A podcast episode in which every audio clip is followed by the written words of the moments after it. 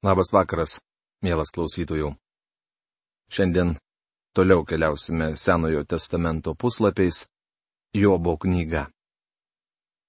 Praėjusioje laidoje pradėjome nagrinėti antrąjį šios knygos skyrių, kurio tema - Dangus, Dievas ir Šietonas - mūsų išnagrinėta praėjusioje laidoje.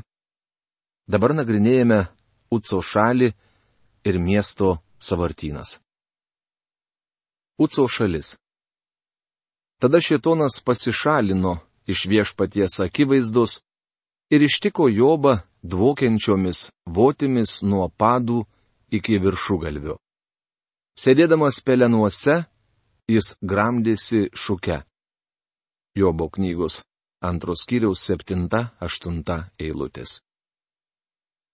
Šis vyras mėginamas visose gyvenimo srityse. Šitonas, žinoma, stengiasi jį palaužti.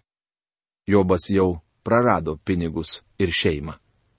Dabar puolamas jo kūnas. Atrodytų žmogiškai neįmanoma paaiškinti Jobą ištikusių bėdų. Tai nebausmė už jo nuodėmes. Visą tai atrodytų beprasmiška, jei mes negalėtume pažvelgti giliau. Štai kodėl knygos pradžioje Dievas užrašė paaiškinimą. Jis nori, kad mes suprastume. Jobo išgyvenimus sąlygojo didingas ir kilnus tikslas. Dievas turėjo svarę ir pakankamą priežastį leisti šiam vyrui tai patirti. Atsižvelgdami į visus faktus ir aspektus, galime teikti, jog Dievas turėjo tikslą. Tai buvo disciplina, kuri, kaip pamatysime, Jobui išėjo į naudą. Lūpdamas mažai Petriuką tėti sako, man labiau skauda negu tau. Petriukas atsiliepia, taip, bet ne toje pačioje vietoje. Visi šie išgyvenimai galiausiai Jobui išėjo į gerą. Prisiminkite, kad Dievo keliai - ne mūsų keliai. Kaip aukštas dangus viršum žemės, taip mano keliai viršyje jūsų kelius ir mano mintys jūsų mintis. Izaijo knygos 55 skyrius 9 eilutė. Mes stengiamės apsaugoti vaikus nuo kančių. Darome viską, ką pajėgiame, kad tik jiems neskaudėtų. Duodame viską, ką galime, kad tik jų gyvenimas būtų malonus ir taip juos išlepiname. Mes užauginame sugedusią kartą. Atėjo diena, kai Jobas suvokė, kad jo išgyvenimai davė kažką gero, tačiau pradžioje jis to visai nesuprato. Tai buvo ne tik į naudą Jovui, bet ir Dievo šloviai. Prisiminkite, kad šietonas juodino Dievų vardą. Manau, visos dangiškosios būtybės krūptelėjo, kai išgirdo šietoną šitaip šmeižiant Dievą. Po tekstėje Velnė sakė, esi nevertas, kad tave mylėtų. Turi mokėti Jobui, kad jis tave mylėtų ir tau tarnautų žmonės myli tave dėl naudos. Tai kaip yra iš tikrųjų bičiuliai? Ar mes tik prisiplakeliai? Ar mylime todėl, kad už meilę mums atlyginama? Dievas mums geras ir gailestingas. Mes džiaugiamės jo gerumu. Tačiau išmėginimuose pasirodo, kas yra kas.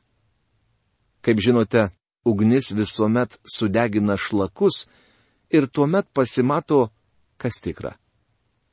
Kiekvienas iš mūsų turime būti šviesa šiame pasaulyje. Šviesa skirta tamsai. Tad Dievas pastato mus tamsybėje, kad šviestume. Tikiuosi suprantate, jog kalbu apie tikinčiuosius. Ne vienam savo vaikui Dievas nežadėjo lengvo gyvenimo. Atvirkščiai. Mums sakoma, kad kelias bus akmenuotas. Jei su juo kenčiame, tai su juo ir karaliausime. Be skausmo nematysime didybės. Be kančių ir kovų neregėsime skeptro. Mums sunku nusilenkti po baise visagalio Dievo ranka. Štai kodėl Paulius rašė, taigi žinodami, kas yra bijoti viešpaties, mes stengiamės įtikinti žmonės. Rašoma antrame laiške korintiečiams penktame skyriuje, vienuoliktoje eilutėje. Kokia neganda užgriuvo Jobą? Mums sakoma, kad šietonas ištiko jį dvokiančiomis votimis nuo padų iki viršų ir jis, sėdėdamas pelenuose, gramdys jas šuke. Krikščionys gydytojai nuolat spėlioja, kokia galėjo būti Jobo lyga.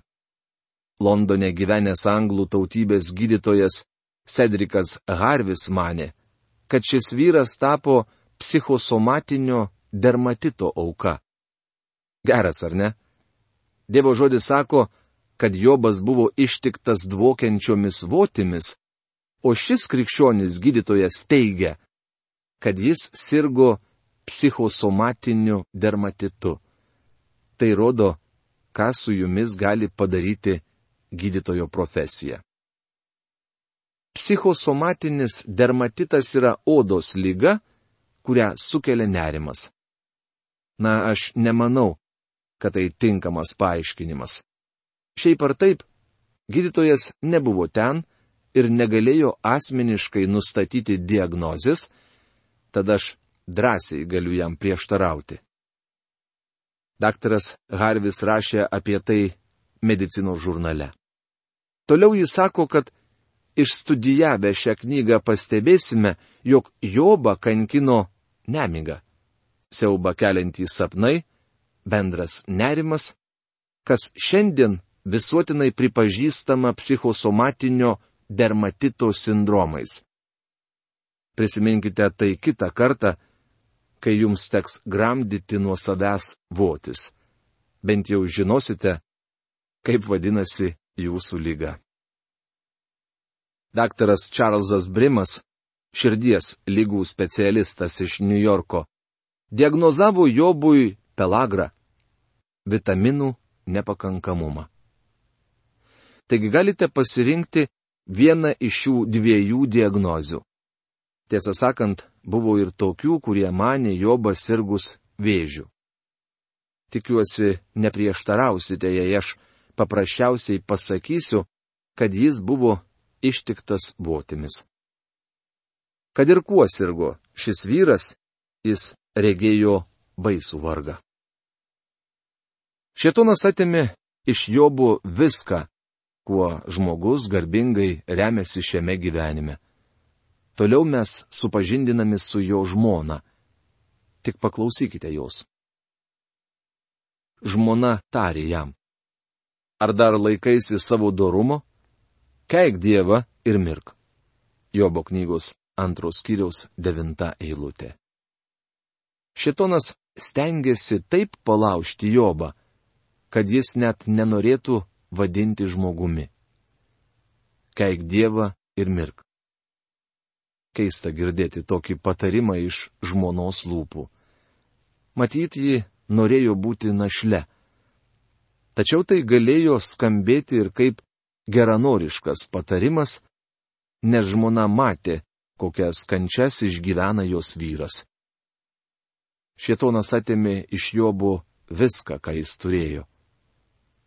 Kodėl tuomet nepašalino ir jo žmonos? Manau todėl, kad ši moteris anaip tol nebuvo Jobui pagalba. Atrodytų, kad ji vykdė velnio paliepimus. Bet jis atsakė, kalbi kaip kvaila moteris.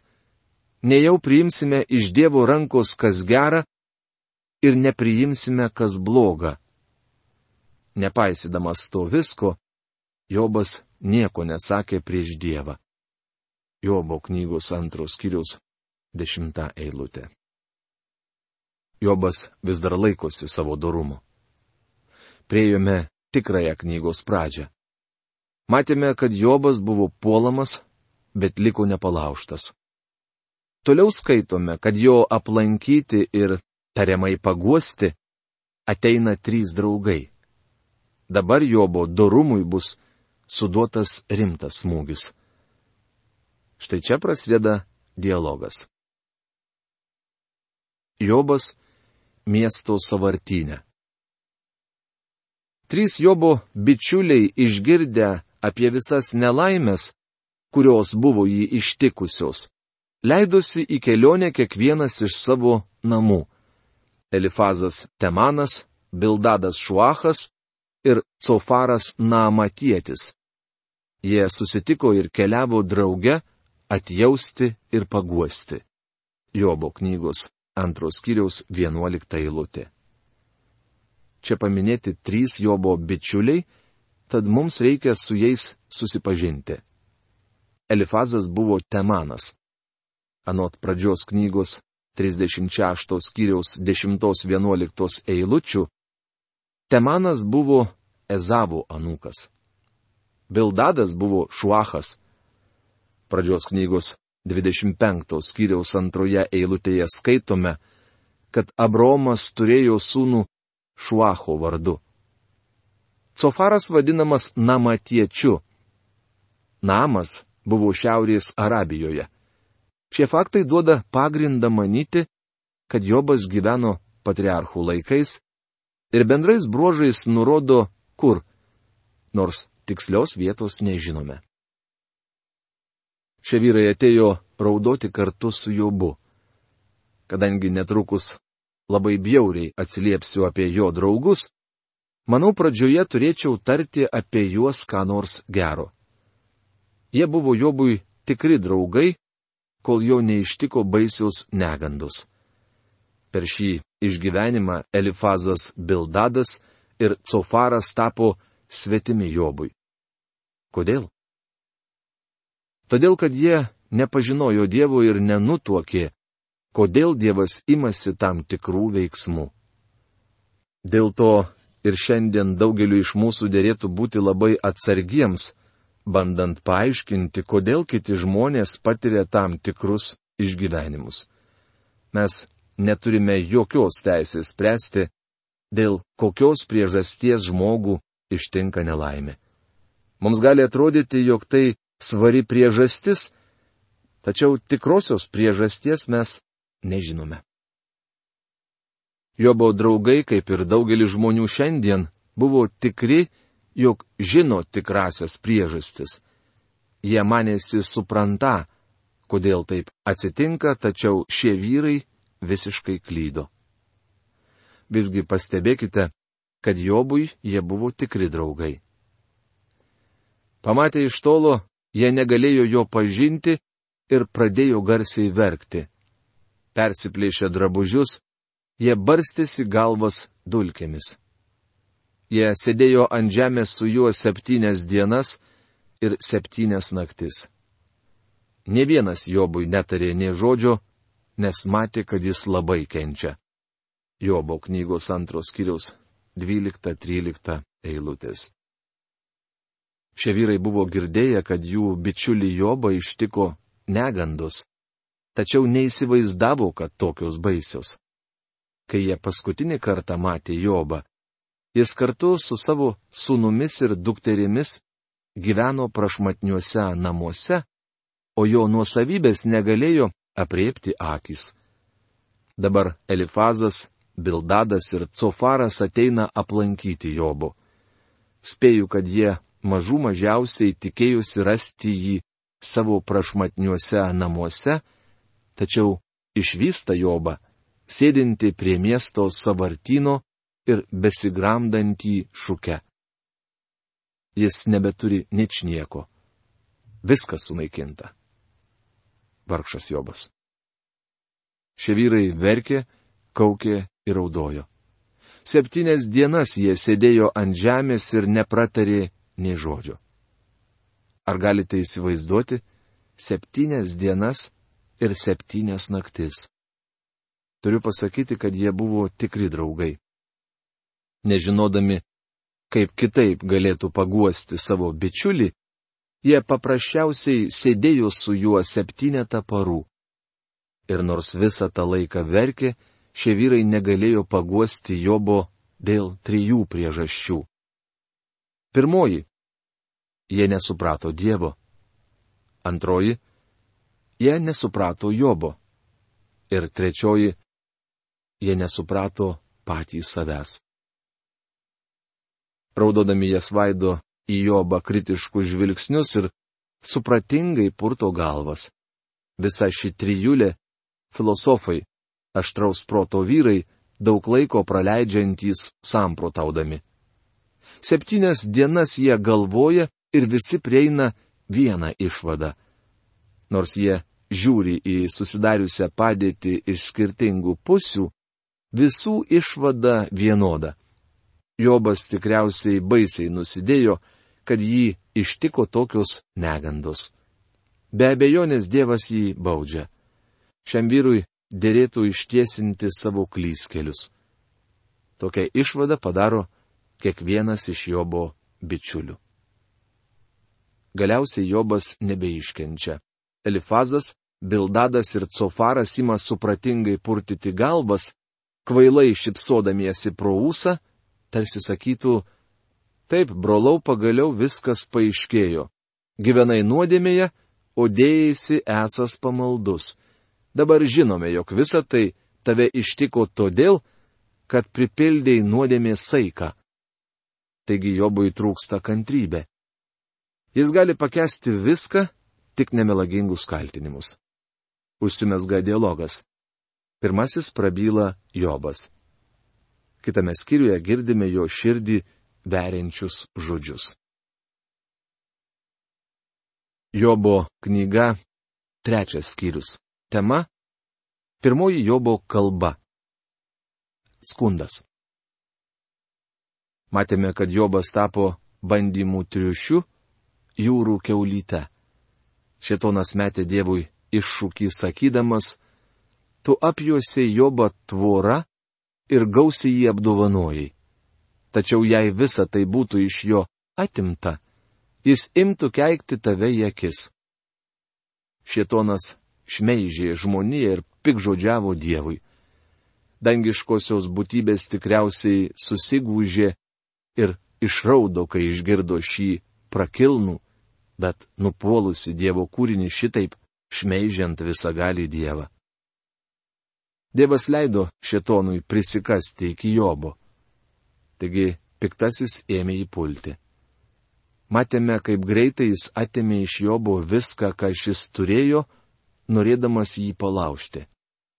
Prieš pradedant skaityti dialogą, manau, mums būtų neprošal staptelėti ir dar kartą prisiminti priešistorę. Tiek aš, tiek jūs priklausome pražuvusiai giminiai. Sunku įsivaizduoti, kad mes gyvename šioje žemėje tarp melagių, galvažudžių, vagių ir smurtautojų.